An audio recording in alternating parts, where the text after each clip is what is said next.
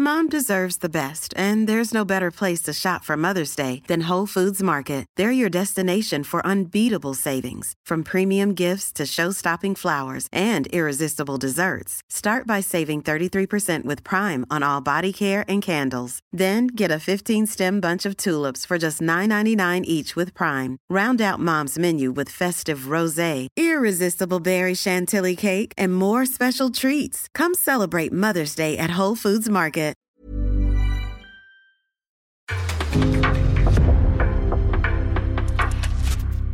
En podcast från Aftonbladet.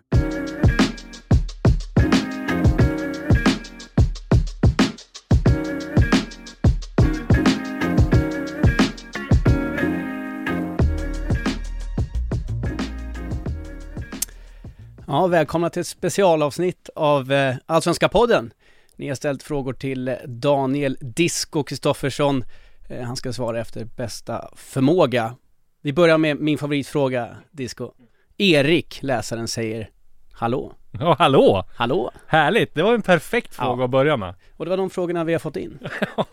Så vi tackar det. Jajamensan. Nej, skämt åsido, det har faktiskt kommit in ganska mycket frågor. Ja, det var Och, fullt eh, tryck får man säga va? Ja, verkligen. Och vi ligger ju live här nu på Sportbladet och på vår TikTok. Ja. Men eh, ni kommer också kunna höra den här podden i efterhand också. Där poddar finns. Där På poddar Spotify, finns, som man brukar säga. podcaster överallt. Exakt, Podplay och allt vad det heter. Ja. Mitt namn är Kristoffer Borin, jag kommer vara moderator idag. Det är läskunnighet som liksom är på, på tapeten för mig. Du kommer ju Jag svara ser på... mest eh, fram emot att du ska svara på, eller uttala de här härliga namnen som vi har fått. Ja, det har varit några utmanande varianter. Jag ska värma upp lite först. Jag tar dem efter en kvart, 20 Ja. minuter. Men eh, ska vi bara rulla igång vi helt enkelt? Eh, vi börjar med den här frågan. När kommer Sichenje Collins till Sverige? Som jag förstår det är alla papper fixade. Ja, precis. Verkar vara något plastkort som dröjer. Ja, precis. Nej men Cisenje Collins har ju AIK haft koll på länge. Eh, deras chefscout Tobias Ackerman var ju där nere och scoutade för eh, några månader sedan och gjorde gjorde väl klart med honom där nere och de gjorde klart med honom under deadline day. Det blev officiellt. Eh, sen har, har det ju varit, det har ju varit extremt svårt under coronan här att få hit eh, eh spelare från, eh, från just eh, Afrika och eh, det har ju, det liksom hänger ju i det där men som jag fattar nu så har han fått arbetstillstånd, alla papper, eller han har, alla papper är klara, han väntar på någon något eh, litet papper till som ska bli klart. Man hade förhoppningar att ha hit han den här veckan.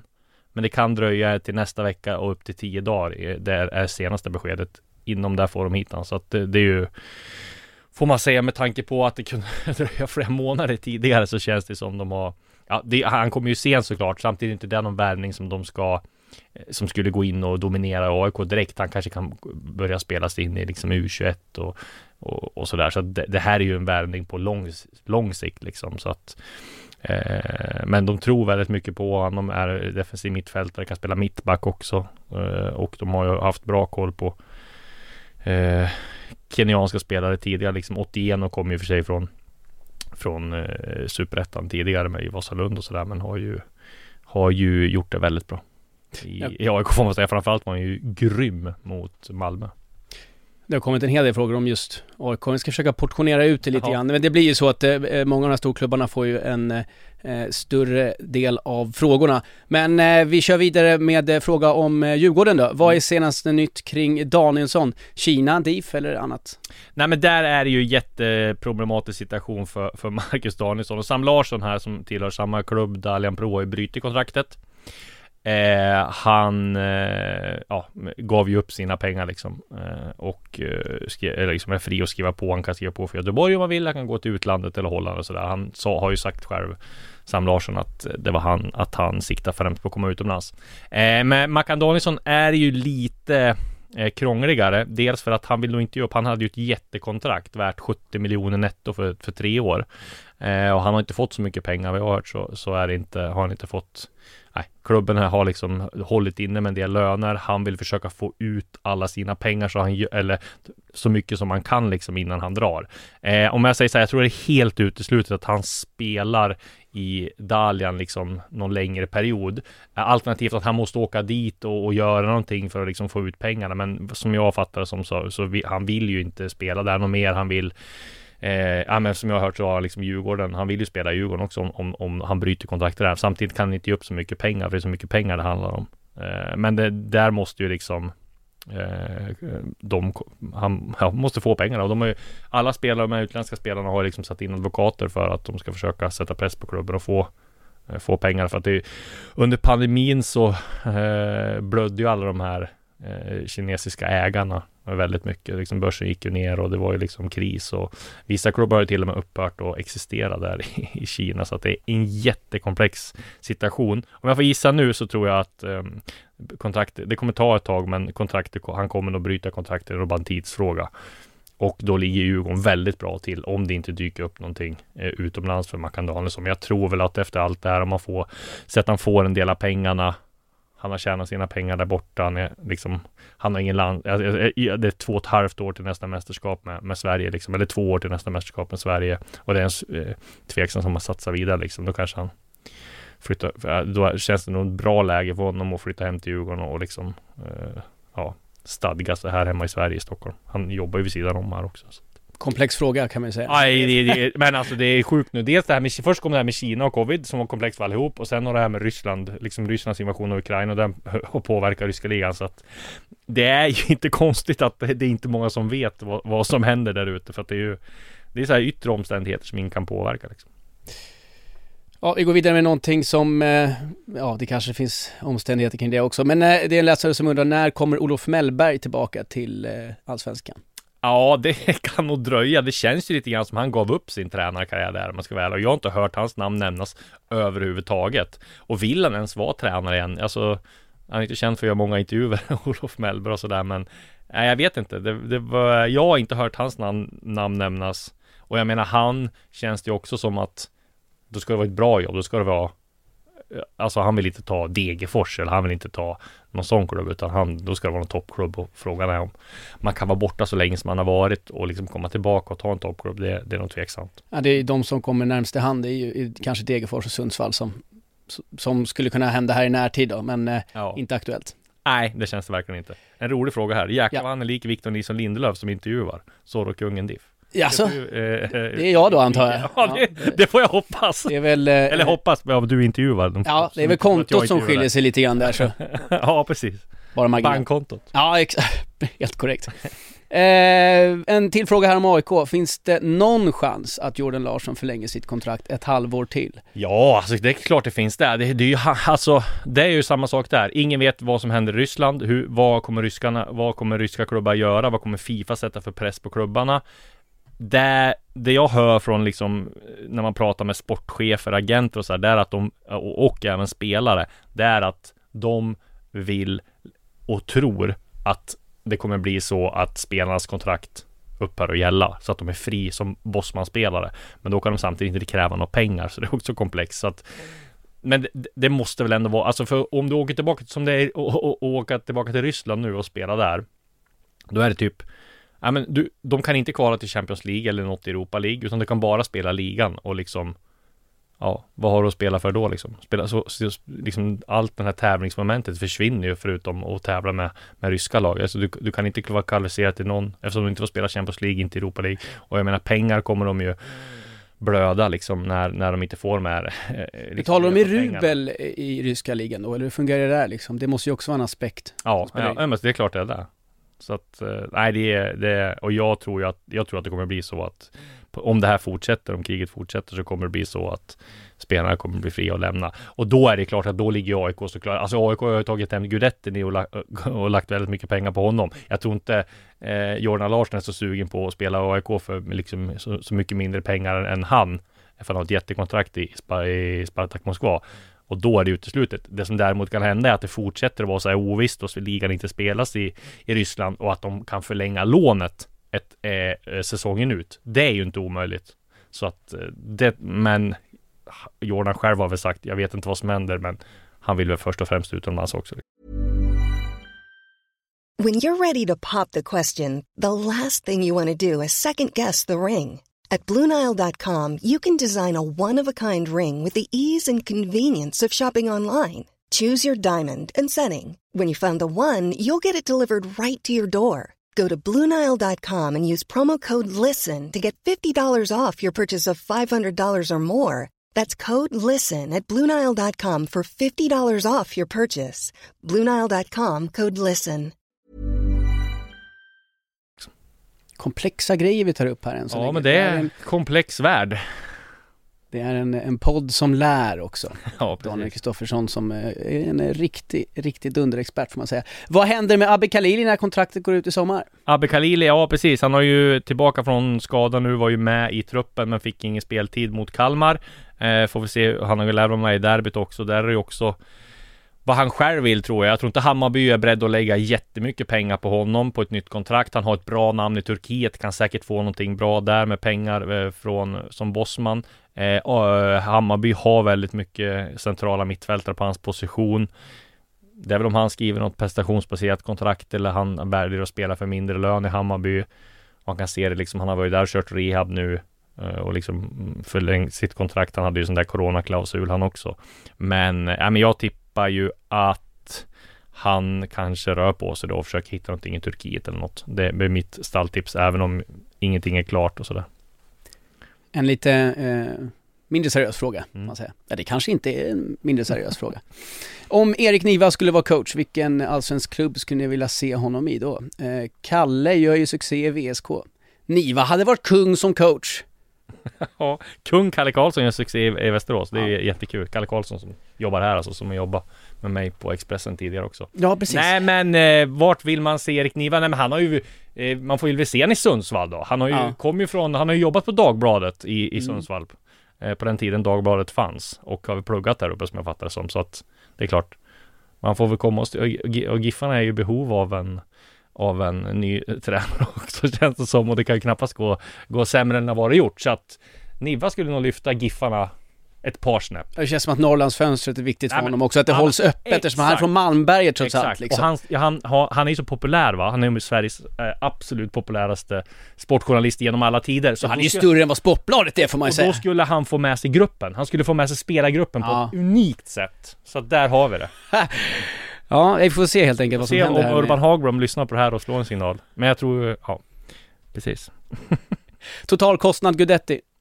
Ja men det var han, som jag fattade som så fick han väl, mm, jag har inga exakta siffror här men då har vi skrivit som att han krävde allt från 15 till till eh, t- 10 miljoner i sign som jag fattade landade mellan 7 och 10 eh, och sen så har han ju väldigt hög allsvensk lön då på 150 till 200 000 så att det är väl eh, siffror som har varit ute och, och det som jag fattar det som så är det väl där det ligger på. Det är klart att det är mycket pengar men jag menar ska du ha hem en sån spelare så är det ju en jätteinvestering och du måste göra för han är ju 30 år. Eh, han kommer, han satt ju ändå på ett jättekontrakt i, i eh, La Liga hos Alaves. Man ska ju komma ihåg att han gjorde ju en supersäsong. Det var ju när han var utlånad från Celta Vigo till Alaves och då bestämde de sig för att köpa loss honom. Han fick nummer 10 och så sen så Eh, blev det inte, ja det blev någon, det blev inte så jättebra i Alaves då utan sen, och sen på slutet så har han ju inte alls eh, levererat och han har ju varit liksom i frysboxen och varit förbannad på honom och sådär. Så att det har ju varit lite tjall där också. Men eh, eh att han, och med tanke på att han gjorde det så bra där och när han skulle skriva det här långa kontraktet så satt han på en, satt han på en jättelön och det som krånglade till det lite grann i förhandlingarna med AIK också just mellan, mellan Alaves och AIK så att eh, nej men han eh, en, eh, Henrik Jurilas har ju sagt också att det är en, en, det är en jättebra investering, eller en, jätteinvest- en stor investering för oss, men samtidigt kommer de få igen det på så många andra plan. Det är sportsligt tror de ju stenhårt på det. Jag har också svårt att se att han inte ska lyckas i allsvenskan liksom. Vi har ju, även fast vi älskar allsvenskan och det är liksom det är världens mest intressanta liga, så har vi ibland en förmåga att övervärdera den lite grann, både när det gäller prislappar på spelare kanske som ska iväg och eh, vad det gäller kvaliteten på spelet. Så jag tror väl att om han, även fast han inte har spelat regelbundet i La Liga, tittar vi på tidigare hemvändare, till exempel Marcus Rosenberg spelade knappt på ett och ett halvt år i West Bromwich, kom hem och var tokdominant. Det är väl den bästa hemvändare som någonsin har setts hittills i alla fall. Eh, samma sak med Henok Goitom som kanske inte rosade marknaden i La Liga, kom hem och blev liksom en ikon i AIK. Jag tror ju att John Guidetti har alla chanser att, att göra samma resa. Sen är det ju här en mer hypad värvning. Alltså John är ändå ett namn eh, som är större än kanske väldigt många andra. Han har den liksom karisman, stjärnstatusen som han ändå har runt omkring sig liksom. Så att de kan ju använda det i marknadsföring. Det kommer vara liksom Ja men juniorerna i AIK har ju väldigt många att se upp till liksom och han kommer hjälpa dem och sådär så att det, jag tror att det är en och samtidigt jag kommer ihåg Eh, det var på den eh, tiden som du också hade bra koll på AIK när AIK värvade hem eh, Daniel Majstorovic från Celtic. Då var liksom ett av de här argumenten var att de skulle sälja loger på, på, på Friends. För då var den nybyggd liksom. Men jag tror att man tänkte lite fel där. Daniel Majstorovic var ju ett bra namn då liksom, men just en mittback och han kanske inte hade den stjärnstatusen som Gudetti har liksom. Jag tror att här kan man nog mer sälja säsongsbiljetter och loger på Gudettis namn. Så jag tror att det här, det är något bättre tänk gällande den här hemvändarvärvningen. Precis, jag jobbade i FAIK på den tiden. Precis. Det är inget att hymla med. Nej, det var ju väldigt, väldigt speciellt med Daniel Majstorovic får man säga på alla sätt och vis. Jag minns att eh, eh alla möjliga tidningar jagade efter och han sprang iväg och de jagade efter, det såg ut som finns ju The en... Sun, The ja. Sun ungefär ser det ut som i England. Det finns ju en klassisk bild eh, som någon har tagit där Majstorovic går nerifrån, eller nerifrån träningsplanen till Karlberg. Exakt. Där det är fyra reportrar på en sida, fyra reportrar på den andra sida och så går han bara så får han liksom svara på frågor där. Det, vad, vad var det som hade hänt då? Han hade satts upp mot alla, men vä han hade vägrat, vägrat komma till en så han var ju bänk, han var bänkad och vägrade komma till matchen. Så var det, så var det, ja. det kommer jag ihåg nästan mer underhållande när det blir så värvningar, kan jag tycka då, eh, eftersom att vi jobbar i den här världen vi gör. Eh, Viljot Svedberg kommer det eh, frågor om, eh, ja. du har ju skrivit lite grann på plus idag har jag sett om ja, det, men precis. kan du inte berätta, eh, vad är det för prislapp, vad är det för klubbar som gör upp om honom? Ja men som jag fattar det som så är det en mittenklubb i, i, eh, i eh, La Liga som vill ha honom, jag har inte exakt, vet inte exakt vilken det är, men jag såg att det var Osasuna som fotbollskanalen skrev och jag har inte hört att det är Osasuna Eh, i alla fall, jag ska försöka gräva vidare vilken klubb det är. Eh, det kan ju vara att de är intresserade också av att vara på plats liksom, men det var, det var som jag fattade som så en annan klubb det som det var ganska skarpt läge med. De vill eh, betala, eller den här klubben som jag skrev om då, eh, mittenlag i La Liga, vill betala eh, runt omkring 5 miljoner euro, alltså det skulle vara en rekordsumma. Hammarby vet om det. Och, eh, men Hammarby har sagt, vi kommer inte sätta oss i en förhandling nu. För vi vet att det är så många intresserade av Williot Svedberg. Så att vi, om vi sätter oss i förhandling nu och gör klart någonting, då, då har liksom, missar de kanske chanser på andra klubbar. Så de har ju liksom is i magen nu och väntar. Jag menar, det är tre omgångar kvar av allsvenskan.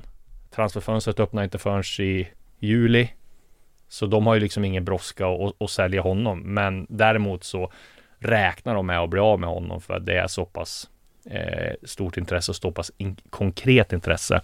Och sen ska man säga det också att det har ryktats om United och Barcelona. Där kan man ju säga att eh, för eh, United, eller United haft eh, scouter på, på, på eh, Tele2 Arena ryktas om. Men för att det ska vara en liksom övergång till Premier League så kommer det krävas extremt mycket. Det är i princip omöjligt att, att, att sälja en spelare till från allsvenskan till Premier League. Dels för man måste ha landskamper och uppfylla vissa krav för liksom A-landskamper och det har ju inte Viljot. Det finns undantag för vissa supertalanger som de har fått arbetstillstånd, men det är jättesvårt.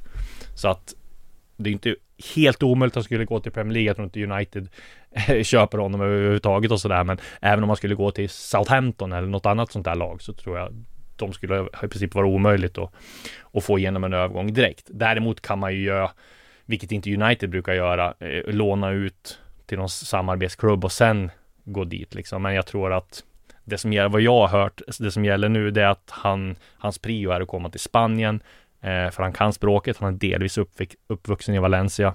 Så att, eh, och jag menar ett mittelag i La Liga hade ju varit perfekt för honom där, som satsar mycket pengar på honom.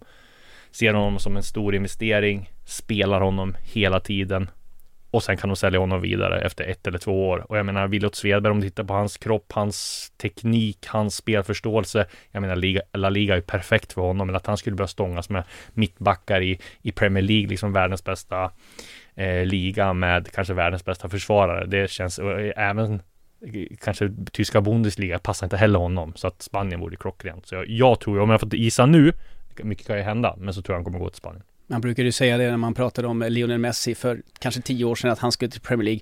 Eller det var inte ens rykten, det var ju bara folk som pratade om det. Så, Could he handle Titus Bramble? Det var ju frågan.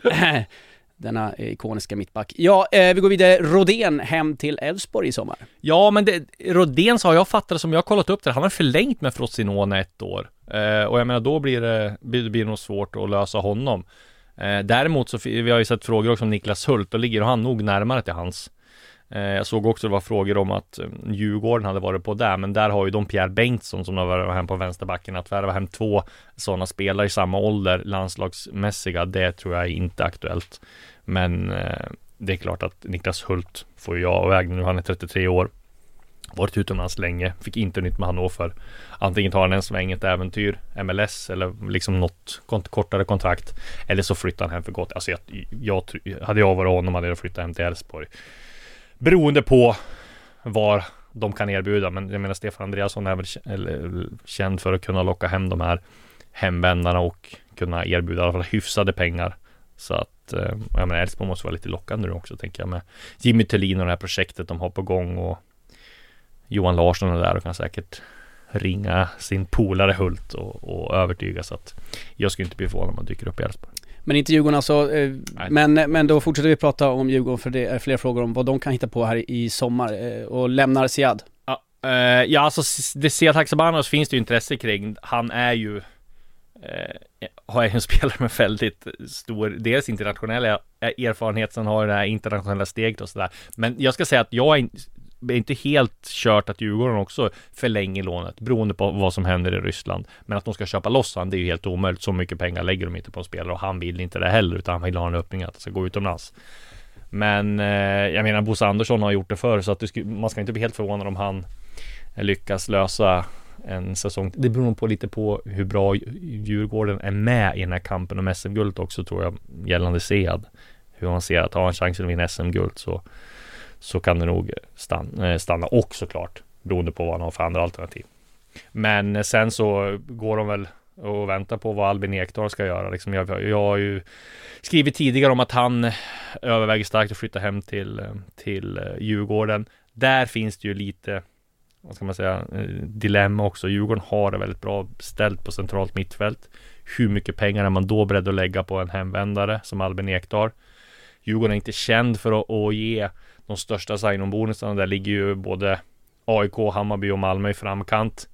Eh, Albin Ekdal har haft eh, har haft intresse på sig från FC Köpenhamn. Där, som är eh, känd för att betala groteska löner. Han kan få 15 eh, miljoner i sign-on-bonus där utan problem och Djurgården kanske beger han 6-7. Så det är ju stor skillnad på pengar och dels stor skillnad på liksom hur mån klubbarna är om att ta dem. Och den danska ligan har ju liksom eh, en helt annan lönestruktur. Jag tror att det var, om det var eh, någon spelare där i Danmark som jag hörde precis, om det var Falk i FCK eller Midtjylland som tjänade 800 000 danska i månaden. Det är ju bra pengar. Procentuellt, hur långt efter liksom skulle en allsvensk topplön vara då? Nej men det är ju, alltså allsvenska topplöner handlar ju om, om man tar bort signing-bonusar så det är mm. få som tjänar över 200 000 i allsvenskan. Och, och där tjänar du 800 000 då, 900 000 nästan. Eh, och plus att det är bättre skatteregler. Så att, men där är det också så här att eh, danska klubbar har ju under så lång tid, framförallt efter Köpen, Köpenhamn kvalificerat sig till Europa och Champions League, så det är ju där pengarna har kommit in. Och sen har de ju inte 51% regeln heller. Det är ju, den ska vi värna om i i Sverige. Du pratar om Haksabanovic, så nämner du internationella steget. Jag skulle vilja se internationella steget någon gång. Mm. Så man får så här facit på vad är ett internationellt steg? Ja, men vet du vad internationellt internationella steg är? Snälla. Om du tittar på Eden Hazard. Om man Eden Hazard och eh, Sead Haksabanovic, de ganska lika varandra. Det internationella steget är när man liksom har det där farten som man kan rycka förbi alla. Man, man, det är svårt att förklara. Men Hazard och Haksabanovic har det. Och det är fler, många Cristiano Ronaldo får man ju säga verkligen ja, ja, ja. Liksom. ja, ja, ja. Ja, det finns säkert fler exempel. Men vad bra, då, då vet jag att jag kan ja. eh, eh googla här lite grann efteråt. Du trodde det var typ så här Brysselsteget? Ja, det var det jag såg framför mig. Helst det med gal...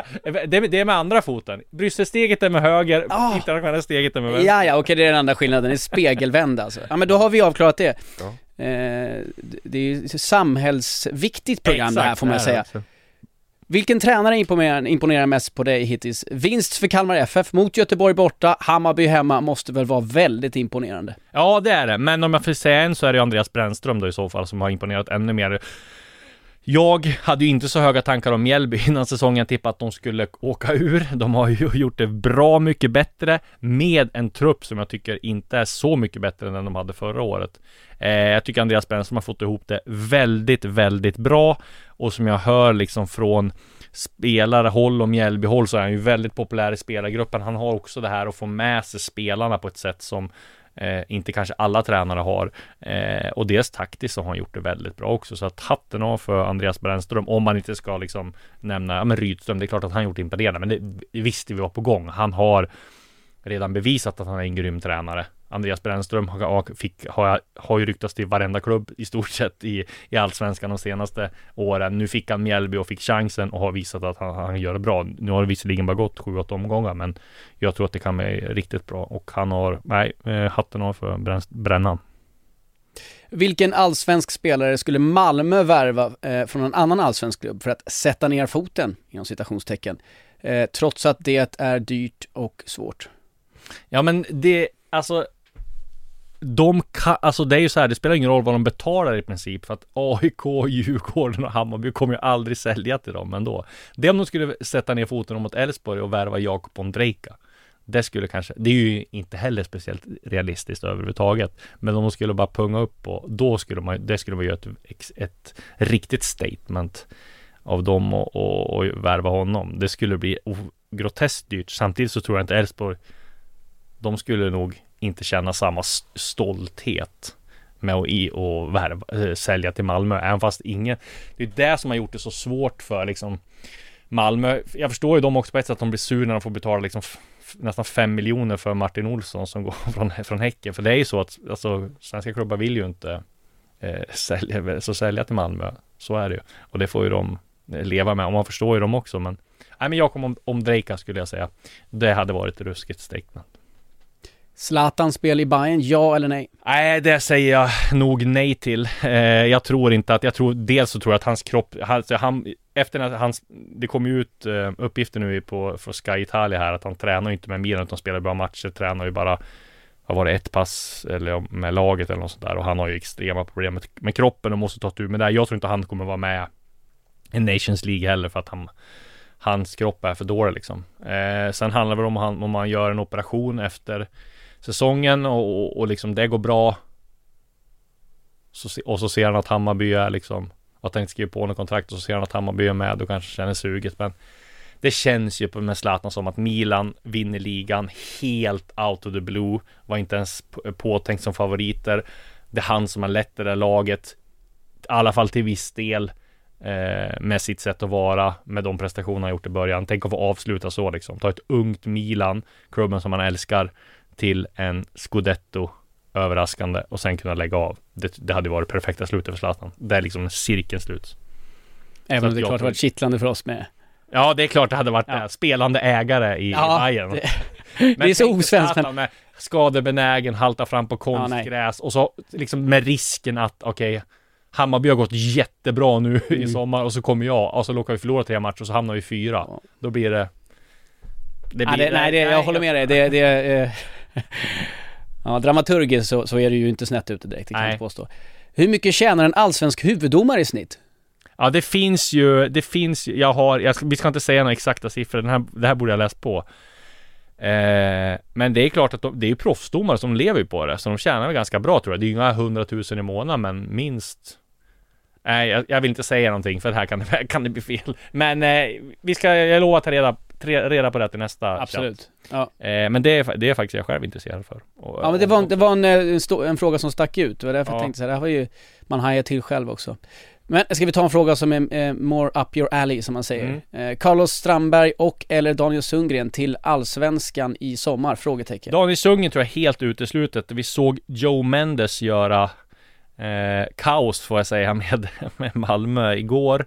Eh, han är högerbacken där. De har redan Micke Lustig på högerback som även kan spela eh, mittback. Jag tror ju att, eller jag vet ju att Daniel Sundgrens enda alternativ i, i Sverige är ju AIK och flytta hem och det är ju inte läge nu då. Får nog vänta ett tag till. Sen kanske han vill flytta hem och, men jag har svårt att se att han flyttar hem och är backup liksom. AIK ska ju satsa nu på Joe Mendes och liksom ge chans att sälja han vidare så att Helt uteslutet är det inte med Sundgren men jag håller det som ett litet långskott. För han, han väntar nog på att det dyker Han har gjort det väldigt bra i Grekland. I Ari ska vi säga. Han har varit med i landslaget så det är klart han får ju något bra och tjäna cash där ute. Så att jag tror att det är nog ett eller två för tidigt för Sundgren att komma hem. Carlos Strandberg vet jag inte om någon klubb. Ja, det har varit en del upp och ner för honom. Eh, det är klart att han är en bra spelare men Ja, det är fullt på många positioner och sådär i, i Malmö och så att jag tror att Nej, jag har, jag har inte hört att någon klubbar på honom.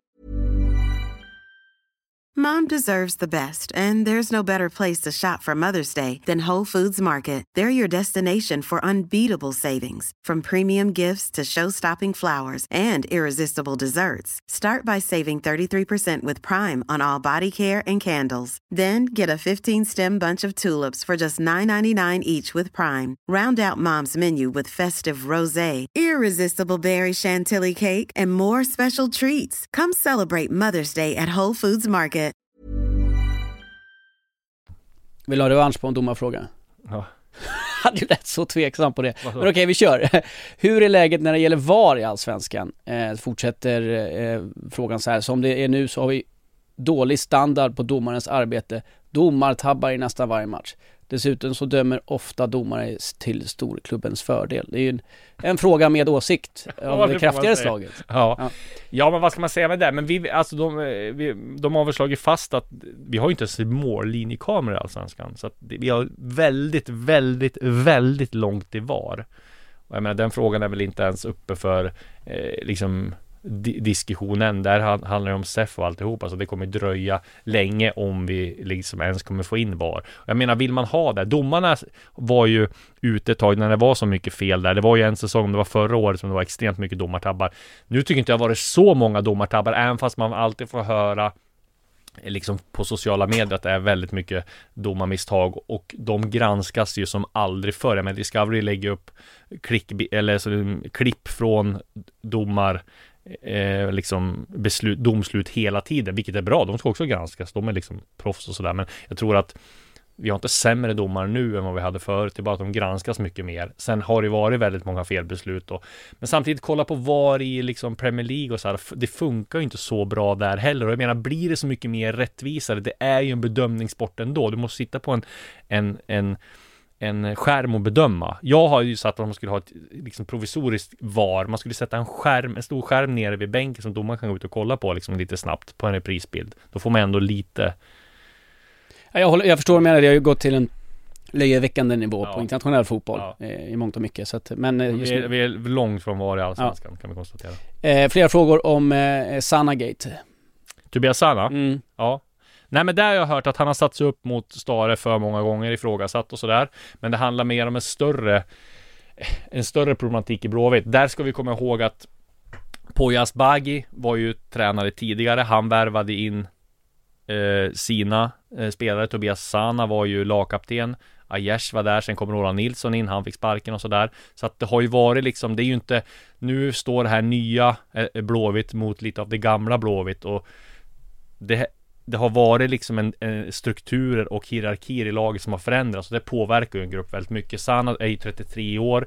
Hans kontrakt går ut. Han var lagkapten tidigare. Nu har Marcus Berg kommit in. Oskar Benta kommit in. Det kommer starka eh, ledare i gruppen. Det är klart att jag tror att han har känt en frustration över dels att han kanske har sjunkit i hierarkin. Även fast han har spelat mycket eh, så har han inte samma status i laget och därför tror jag liksom det har blivit den här frustrationen från honom och jag menar att gå upp mot tränare kan man göra. Jag menar Mikael Stara har ju haft eh, Dooley Johnson och liksom här och, och, liksom haft väldigt högt i tak när det var 2009 där det var mycket strul kring honom. Det var det strul kring andra spelare. Jag menar klubben och han och Håkan Mitt stänger ju inte av en spelare bara liksom. Det måste ju vara något till något, något mer än bara liksom att han har tjafsat. Men det, det här som jag fattar som tjafset i Kalmar-matchen. Det var ju det som fick bägaren att rinna över. Okay, så det är inte så att vi sitter och väntar på någon riktigt saftig ljudupptagning som vi bara verkligen vill få tag på, utan det är verkligen summan av alla laster eller? Ja, jag tror det. Ja. Att det, liksom, det, var, det var droppen och jag tror att jag är svårt att se att Sanna ska bli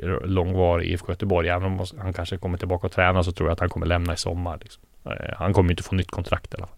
Tully Johnson var väl kanske mer hans aktioner än hans ord kan man väl säga. Ja, det får man ändå säga. Det var mer handlingen där som gjorde det. Eh, vad har du på Hampus Findell, Emanuel Bandas och Almar Ekdals situationer? alla tre lär väl vara extremt intressanta för utländska klubbar. Ja, men dels eh, tror jag att Hjalmar Ekdal har ju inte varit lika bra som han varit förra året. Jag tror att han har blivit lite synad när Jakob Rune Larsson inte är där. Nu är det han som ska styra upp försvaret med Isak Hien som har gjort det väldigt, väldigt bra, men också är lite fladdra, lite, lite, lite eh, eh, orutinerad. Men jag menar Isak Hien har ju framtiden för sig och är en extremt spännande spelare. Men jag tror att jag, eh, Hjalmar Ekdal lider lite av att han inte har Jakob Rune Larsson som är den här trygga punkten i Djurgården. Så jag tror att det, de har inget liksom konkret bud där. Hampus Findell har ju också varit bra och ung och är väl den som kanske kan säljas härnäst då. Men redan i sommar är det tveksamt. Gör kanske lite för lite poäng. Det är jättesvår konkurrens med defensiva mittfältare. Så att eh, jag har inte heller hört att det är något jättekonkret där just nu. Emanuel Banda är det ju, de har väl utgående kontrakt var jag har svårt att se att det skulle förlängas. Framförallt om, inte om de jobbar för att ta hem Albin Ekdal. Vart hamnar Isak Jansson om han lämnar allsvensk toppklubb eller ute i Europa?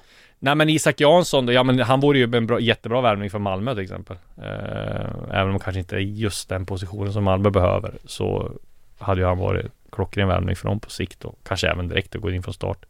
Men Holland ligger väl väldigt bra till hands för honom skulle jag kunna tänka mig. Hade jag varit Isak Jansson så hade jag förlängt med en kanske öppning med en klausul jag kan gå för en lite mindre summa. Nu ska vi säga att hans kontrakt eh, är ju skrivet så att det, han kan lämna eh, utan övergångssumma i, summa, i sommar, men eh, där måste ju, får ju Kalmar också ett utbildningsbidrag. Eh, så att de går ju inte helt lottlösa utan de har ju varit med och utbilda honom så att han får ju sina, de kommer ju få ett par miljoner, men det är inte alls lika 10 eller 15 miljoner som man hade fått eh, om, man hade, eh, om man hade haft ett kontrakt som gällde.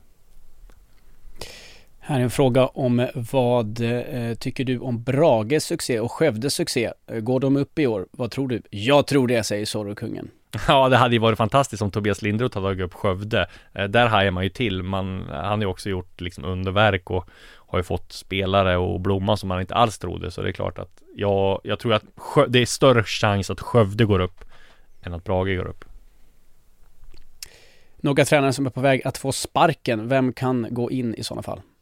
Ja men Degerfors då, där är Tobias Orberg och Holmberg, de uh, har väl varit lite ifrågasatt. Där är det väl så, tror jag, att de är så pass tajt där med sportchefen Patrik Werner att om de skulle göra någonting så tror jag hellre att de tar in en resurs, kanske Patrik Werner går ner som tränare till exempel, eller att de tar in någon annan tränare för att komplettera dem. Det är svårt att säga att de ska sparka båda liksom, även fast resultaten har gått emot. Sen tror jag att den här vinsten mot Sundsvall kan göra väldigt mycket för Degerfors också. Dels för mentaliteten och dels för liksom lagandan och alltihopa. Så det kan vi kanske, för de är ju bättre än vad de har visat. De har ju eh, spelare som, som inte ska ligga där i botten, tycker jag i alla fall.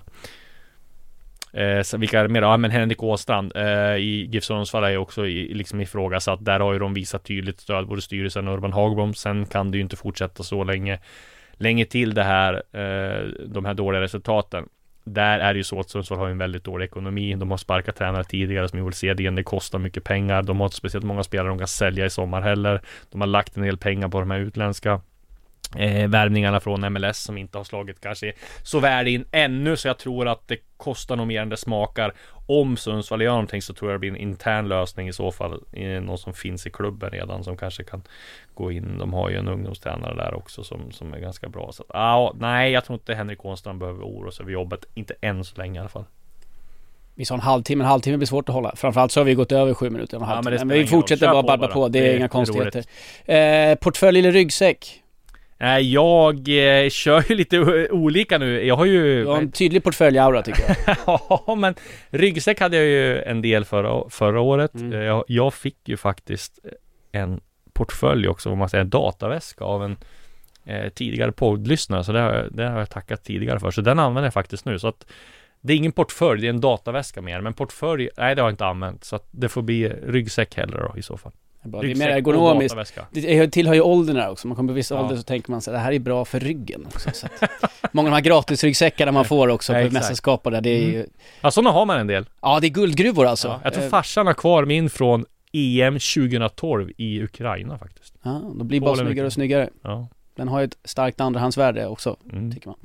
Strunt samma, vi släpper eh, det och så går vi tillbaka till fotbollen igen. Jag vill bara att du ska få landa lite snabbt. Härligt. Nu ska jag testa på det, eh, ett, ett uttal här då. Ja. Vi får se hur det går. Vad tycker du om Jens Gustafsson i Pogon Szczecin? Kommer att bli framgångsrik? Frågetecken undrar Piotr. Ja, alltså Jens Gustafsson, det var ju väldigt eh, vä rätt överraskande då, får man säga, när vår kollega Linn Nordström avslöjade att han eh, lämnade u landslaget efter bara en match eh, och eh, går till Pogon Chesney. De ligger trea i polska ligan eh, och eh, det är klart att man först ska säga någonting om det och så är det ju att Svenska fotbollsförbundet måste nog se över sin värvningsstrategi när det gäller förbundskaptenen till u landslaget För de Det är klart att de vill ha de bästa tränarna. De tog Poja tidigare, han fick ett bud från Barnsley och han gick dit. Jens Gustafsson tog, fick eh, dem, och det är ju två jättebra tränare liksom. Jens Gustafsson är den som kanske man, man håller som allra högst. Han har varit i Hajduk Split och sådär. Men då måste de, vara med, dels kan de inte betala så, så höga löner eh, i, av, i förbundet. Men då måste de hela tiden vara medvetna om att om de har sådana bra spe, eh, tränare eh, som är attraktiva för andra klubbar då vet de att de, om de får ett bud från en utländsk klubb så kommer de ta det. För så är det med svenska tränare. Får en utländsk klubb så, så öppnas det så många mer dörrar så de kommer alltid ta de buden. Kolla på Jens Gustafsson nu till exempel. Så var Hadjuk Split, han är fyra månader. Det har liksom öppnats oändligt med, med möjligheter för honom att tacka nej till Årborg två gånger. Han fick, han fick jobbet U21 och så nu går, får han en, en toppklubb i Polen. Det säger ju sig självt att de kommentarer. Så att där måste ju förbundet tror jag se över vilken strategi ska vi ha? Ska vi ta mer anonyma tränare? Ska vi satsa på våra utbilda våra egna från egna leden och sådär? För att jag tror att att ta de liksom hetaste tränarna kommer inte funka för, för liksom U21. Om man inte väljer att, ja men vi betalar dem 5-6 miljoner per år, vilket aldrig kommer hända med förbundet tror jag. Så att där måste man se över. Men, ja. Nej, bara fortsätt. Det... Nej, men det man kan säga om Jens Gustafsson, det är att eh, han kommer till en liga där det är eh, väldigt bra kvalitet. Eh, det är väldigt många fina arenor. Eh, det är liksom ordning och reda på ekonomin. De här toppklubbarna gör det bra i Europa. Han kommer få träna ett lag som spelar Europa League. De kommer ha råd att värva och sådär. Så att Polen är ju ett väldigt underskattat land tror jag i svenska ögon. Man tror alla, liksom, man tänker polsk fotboll. Ja, fast det är väldigt, väldigt hög, hög nivå. Spelarna där, jag såg att det var en fråga också om liksom löner och sådär. Vi har, ju, vi har ju några spelare där, Henrik Kastiger bland annat och eh, Mikael Ishak och sådär. Och lönenivåerna där är ju att i mittenklubbar som Slask, Rocklav och sådär så kan du tjäna eh, där du tjänar brutto i Sverige kan du tjäna netto i Holland. Om vi säger att du tjänar 80 000 eller 120 000 i, i månaden här så kan du tjäna 80 000 120 000 netto där i de här mittenklubbarna. Sen finns det klubbar som Lech Poznan och de här eh, toppklubbarna som där kan du tjäna kanske det, det tvådubbla eller tredubbla. Om då Jens Gustafsson går dit så kanske nu, nu är han tränare så då har han kanske ännu högre lön. Så han har ju en riktigt bra lön. Så att där är det också så här att jag tror vi underskattar polska ligan. Jag förstår, du menar eh, med själva frågan att det blir lite löjets skimmer också kring U21-tränarrollen när det går ja, så snabbt. Ja, precis. Liksom. Samtidigt, man kan säga på så här, ja men U21 är en jättesprång, fin språngbräda till, eh, och det får vi ta åt oss att vi har värvat rätt tränare. Ja, fast det kanske inte är så u för Muscatén. Eh, det är inte bra för spelarna att de byter tränare hit och dit, även fast det är ett fjäder i hatten på de som rekryterar dem. Det är klart att det är, det är bra, du har hittat bra tränare, det är bra gjort. Men det är inte bra för u lag så att vi ska byta förbundskapten var femte månad. Så att det, det, det, och, det, och det är ett stort problem såklart, att det, att det är så. Men, och det måste de ju se över såklart. Vi hade ju en chef här en gång skulle börja, hon, jag ska inte nämna några namn, men hon slutade ju eh, en vecka innan hon skulle börja. Så att, ja. eh, vi har ju haft liknande problem på Sportbladet. En liten parentes bara kring eh, jobbet i det här bygget. Exakt. Eh, varmt välkommen till Sportbladet ja, också. Tack, jag har ju varit pappaledig så jag har inte hunnit riktigt Nej, välkomna dig officiellt. Eh, vi går vidare med fotboll igen. Ja. Hur är känslan allmänt kring priserna på spelare? Och här kommer återigen en liten eh, komplex fråga mm. med, med, eh, politik och, och, krig och allt vad det kan vara. Allsvenska klubbar säljer dyrare än någonsin samtidigt som vi är i en ekonomisk kris i samhället med covid och Ukraina-kriget priserna kan väl inte fortsätta gå uppåt för alltid? Och det är också inflation i stora delar av världen ska vi tillägga. Ja, dyrare, dyrare än någonsin får man att säga liksom, var en sanning med modifikation. Mm. Vi har ju sett väldigt många dyra värv. Vi har sett Alexander Isak, vi har sett Kristoffer Olsson, vi har sett Ola Toivonen. Om man ska gå längre, än, ännu längre tillbaka i tiden, vi har sett Seat Haksabanovic för några år sedan. Det jag tror, det är Dels har att göra med när det här covid kom Så tror jag att klubbarna dels Som där allsvenska spelare aktuella för. De riktade, riktar mer in sig på att satsa pengar på och kunna göra bra business. Man satsar in sig på eh, unga svenska spelare och det har vi sett att det är väldigt många. Vi har sett Kosun Odilon gått från rekord från Från Hammarby har sett eh, Vårmark gå från IFK Göteborg för väldigt, eller ja, från eh, Häcken för, för väldigt mycket pengar. Vi har sett eh, flera andra exempel på där unga spelare säljs för väldigt mycket pengar och det är ju det Eh, utländska klubbarna har tvingats blivit bättre på när de drabbas av det här ja, med coronan med mindre pengar. Att man har tvungits att satsa på unga spelare och där finns det väldigt många unga spelare i Sverige som är bra. Och där har man kunnat sälja. Sen har de svenska, spela, äh, svenska klubbarna också utvecklat sina scouting eh, avdelningar på ett bättre sätt. Man har hittat marknader i Afrika, man har hittat marknader i, på Island, man har liksom hittat och, och blivit bättre och kunna eh, förädla sina talanger och, och bli, också blivit tvungna att satsa på egna spelare men framförallt utveckla scouting-biten. Så jag tror att det är de bitarna som hänger ihop med dels att Sverige har blivit bättre på att hitta talanger, man utvecklar scouting-bitarna samtidigt som klubbarna tittar på allsvenskan och där kan vi fynda. Så det, jag tror att det där hänger ihop. Sällan att man hör rykten om spelare till Blåvitt. Har källorna tystnat helt? Här är stort ansvar på dig, eh, Disco, som är liksom eh, sillykungen här i Sverige. Exakt. Nej, det tror jag blir, det är sällan man hör. Jag tror jag har hört, det var bara några dagar sedan man hörde några rykten om, om spelare inte Blåvitt. Det var väl Sam Larsson som det ryktades om tidigare. Så att det känns som att det är, Blåvitt är nog lika eh, eh attraktiv som vilken klubb som helst. Så att, med gällande rykten. Så jag tror att det det känner jag inte igen. Ja framförallt så har det ju varit liksom hemvändarklubben sista här ja, en halv säsong. Så det har ju verkligen varit, är det hyfsat saftigt får man ja, säga. Verkligen. Men eh, dags för det att steppa upp. Ja, det var liksom precis. lite underton i den ja, frågan, tyckte det, jag i alla fall. Absolut. Vi ska se om vi kan gräva fram något rykte, eller till och med en ah. klar övergång till Göteborg. Får vi alltså, se här. Ska du powergoogla nu eller har du något på gång? Eh, Nej men jag tänkte i, du dag, tänkte i sen? dagarna, i dagarna. Ah, Okej okay, vad bra, jag tänkte ska jag sitta här och vänta nu? Jag kändes ju riktigt Det hade varit sjukt, men ha, du hade den frågan och så, då hade de trott att det var stageat Ja, framförallt så kanske Julia här bakom spakarna har fått lägga på lite pausmusik, ja, exakt. musik. Ehm, är det aktuellt för några äh, afrikaner som kom till Sverige unga att bli hemvändare, likt till exempel Ofori i Solna? Ja, vadå? Ja. Är det aktuellt för några afrikaner som kom till Sverige unga att bli hemvändare. Alltså som alltså, har lämnat... Men Ofori har ju, han är ju AIK nu. Ja men precis, men exemplet var Ofori som eh, kom från Afrika ah, till okay, AIK, okay. lämnade och sen nej, kom tillbaka. Var, nej precis, nej inte vad jag har hört nu i alla fall. Om jag, de flesta har väl ganska bra karriärer i utomlands. Så ingen så här på rak arm som jag kan säga. Vem, vem det skulle kunna vara. Det har ju ryktats väldigt, väldigt mycket om Buya Turay eh, till Djurgården. Men ja, det är liksom, har bara varit rykten, inget annat. När vi får se Patrik Karlgren i landslaget igen, nu pratar alltså om målvakten. Ja, men, ja. Tror du han kommer till Allsvenskan igen efter Randers? Man saknar grabben, hoppas han inte väljer AIK. Skriver, ja, det var lite överraskande slut ja. på den frågan. Nej men ja, han, kommer ju få något bättre. Han har väl varit en av de bättre, vad heter det, målvakterna i Randers och har ju fått en, efter en liten tyngre period för några år sedan så har han verkligen steppat upp och blev har väl varit, gjort några jättematcher i Europa liksom jag till och med har skrivit om när han blev matchens lirare och han hyllades av om det var Steven Gerrard eller något sånt där som de mötte några engelskt lag tror jag, Leicester mötte de. Eh, nej men eh, han går väl utomlands tror jag. Han kommer stanna där så länge det går och, och jag menar det finns inte så många klubbar i Allsvenskan som söker målvakt och när han väl vänder hem så är det väl AIK som gäller skulle jag tippa på så att, nej men och i landslaget har han ju om jag inte minns rätt var väl Nej, han har inte varit där, men han var på diskussion och Jan Andersson snackade om att han var eh, aktuell, men han har ju varit Andreas Linde, Nordfält och Robin Olsen hittills som, som liksom de tre. Men han, eh, Kargen är ju med där bland liksom Målvakter är svårt att cirkulera kring landslag. Alltså alla landslag känns som att det är lite samma sak. Det är liksom... Tänk dig Nordfeldt då, som han har varit med hur länge som helst mm. hela tiden. Han har haft järnförtroende för Jan Andersson. Även när han var petad i liksom Swansea så var han med hela tiden. Och nu spelar han ju jättebra i AIK. Han kommer att vara med ett tag till. Och de kan ju spela så länge också. De är som bäst när de är 33, 34. Målvakterna. Janne är trygg i sin uttagning, så kan vi ju säga. Får man säga. Det är väl som alltid. Det är svårare att spela sig ur landslagen och slå sig in i det. Vilken spelare i Allsvenskan har gjort störst intryck på dig hittills under de första omgångarna?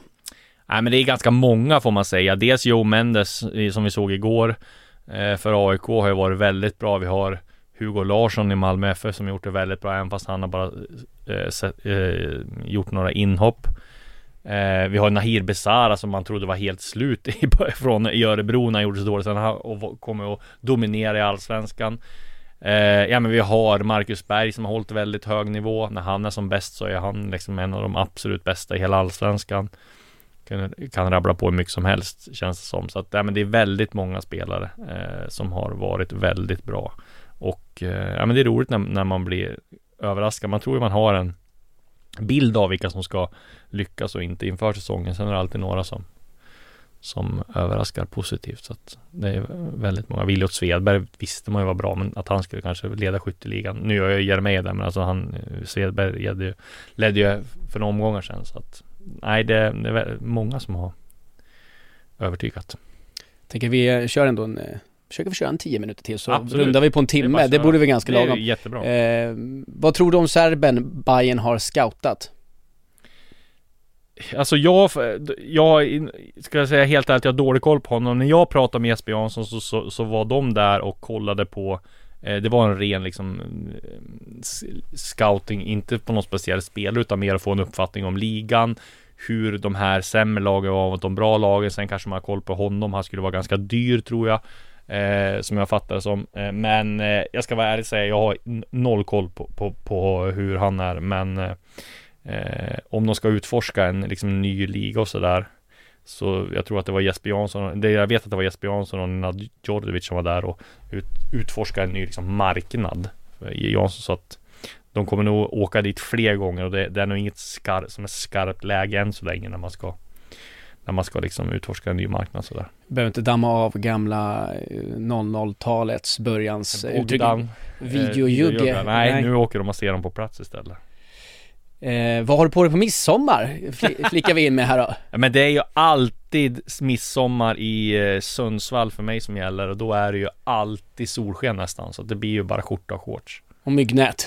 Nej men det finns inte så mycket mygg Inte? längre. Nej. Det är någon sån här Stockholmsfördom att det, allt ovanför Gävle liksom, det går inte att vara där utan Nej. att Nej så, eller så är det ju, ja det är mycket mygg men man har blivit immun. Ja så kan det vara. Ja. ja. Eh,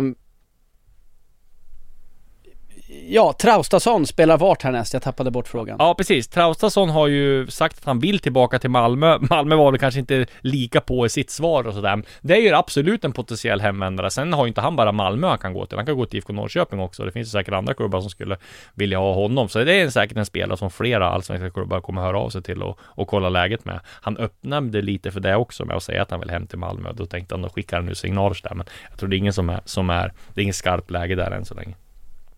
Bilal och Otieno, eh, vad är cirka prislapp på respektive och ja, finns det några klubbar? det är helt omöjligt att säga. Däremot så kan man säga så här att Otieno är ju i en ålder där man inte kan ta speciellt mycket betalt. Samma, Bilal är ju central mittfältare också. Det kommer inte vara några 50 miljoner liksom. Jag tror AIK har väl satt en pris, alltså skulle de få 15-20 för Otieno tror jag de skulle sälja. Eh, skulle de få 20-30 för Bilal skulle de också sälja tror jag. Det är, just Bilal är ju en jättebra spelare, en u landslagsman Men öser ju inte in poäng, öser ju inte in mål och det är klart att det, Som jag sagt tidigare, det är en extrem konkurrens med, mellan centrala defensiva mittfältare i, liksom det finns väldigt många sådana Så att eh, man ska inte hoppas på någon supersumma där även om 20-30 miljoner är jättebra Simon Tibbling tillbaka till landslaget när han kommer hem till DIF tror du? Nej, det har jag svårt att se. Man, Tibblings tid, tyvärr, Simon Tibbling, det är ju en fantastisk eh, person och en fantastisk profil. Känns lite grann som man har stagnerat lite grann nu. Och om man tänker alla från den U21-generationen 2015, i princip alla som var med i den truppen har fått chansen hos, i landslaget. Utom Simon Tibbling, i A-landslaget. Det är ganska sjukt. Ja, någon jag har måste... svårt att se att han ska få det. Någon måste väl sticka ut också på det sättet. Eh, Gabriel Gudmundsson, tror du han kommer få plats i landslaget i sommar nu när vi möter Norge och grabbarna? Dags för Janne att ringa Gabbe. Ja men det är det ju såklart. Det, det är ju jättekonstigt att han är med. Sen har Janne väldigt principfast och kört på Ludvig Augustinsson och eh, liksom som första varet och det får man köpa. Han har kallat, Pierre Bengtsson har bjudit sin med armbågen hundra gånger liksom så att Nej, det, jag vet inte vad han ska göra riktigt för att... Det är ju sådär med vissa spelare att de är, gillas du inte av förbundskaptener eller de tycker inte att du är den spelartyp som Som hör till, då kan du vara hur bra som helst. Men du passar inte in och det är ju ändå förbundskapten som bestämmer. Det är ju aldrig Jag brukar säga det att det är ju aldrig de 23 bästa Svenska spelarna som är med i en landslagstrupp utan det är De 23 som Jan Andersson tycker passar bäst. Har du några fler eh, silly-grejer du skulle vilja lyfta upp? För de är ju Ja kittlande men jag alltså. Det är ju... en fråga, har du någon som är på gång att bli IFK Mm. Norrköpings permanenta sportchef? Finns det lite lösa rykten om nordisk sportchef? Jag pratade med Tonna Martinsson som har blivit utnämnd till sportchef eh, året ut. Eh, och han menar på att han har, alltså, ha, eh, att han skulle köra året ut och sen fick han se hur det var så att det är mycket möjligt att han kan fortsätta. Jag tycker det vore det bästa för Norrköping att han får liksom ta över på sportchef på permanent basis. Han, han, är, han kan allt om klubben, han kan allt om svensk fotboll, han vet exakt vad som krävs eh, för att lyckas. Han berättade också då liksom att de ska göra om hela sin scoutingverksamhet. De ska inte ta in en ersättare till Stig Torbjörnsson som har dragit till IFK Göteborg nu, utan de ska lägga ut det på många liksom. Man ska samarbeta. Jag menar, de kan och och har ju väldigt mycket kompetens i och kring klubben så de kommer liksom inte anställa någon chefscout som jag fattar utan de kommer sätta ut det på många personer just nu då. Sen får de se om de gör sen men jag menar eh, Ja men det, Tonna är ju klockren som sportchef så att om bara han vill så tror jag han får. En eh, laddad fråga eh, för många säkerligen supportrar är ju eh, vad tycker ni om pyroteknik? Det är en fråga som kommit in på TikTok-sändning. Bengaler? Ja. Ja men det till, tycker jag tillför ex, extremt mycket eh, till läktarkulturen. Jag tycker det är eh, vackert att kolla på.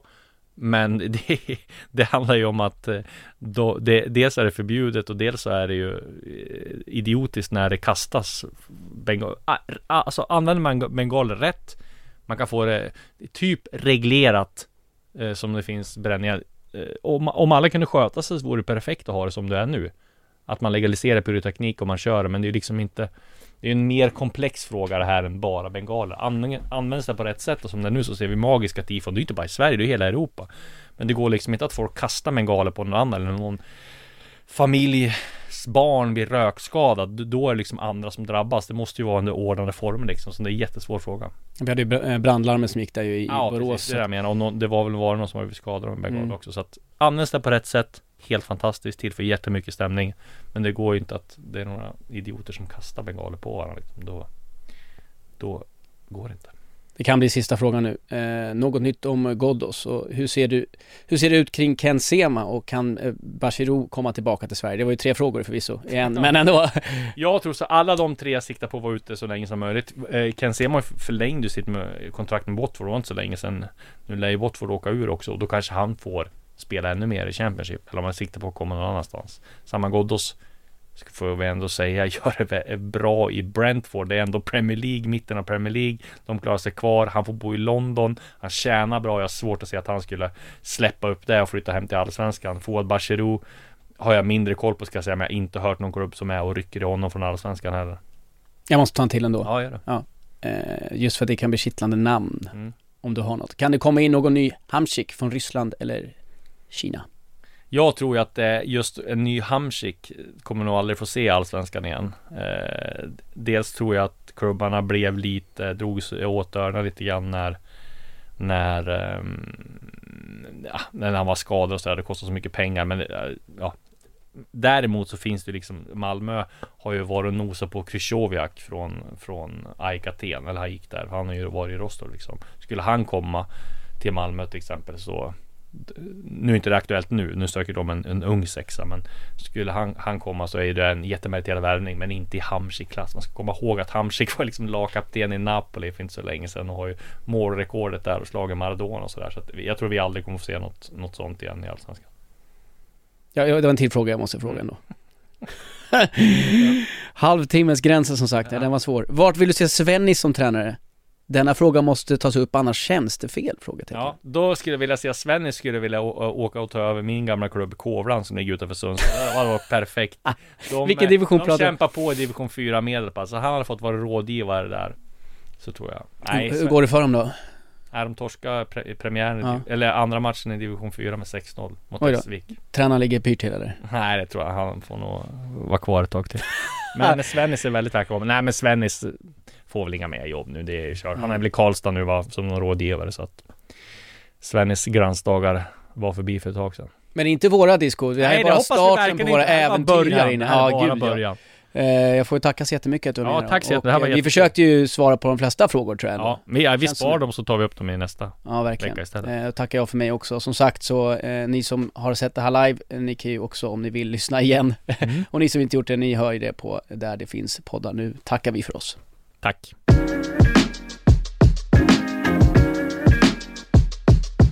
Du har lyssnat på en podcast från Aftonbladet. Ansvarig utgivare är Lena K Samuelsson.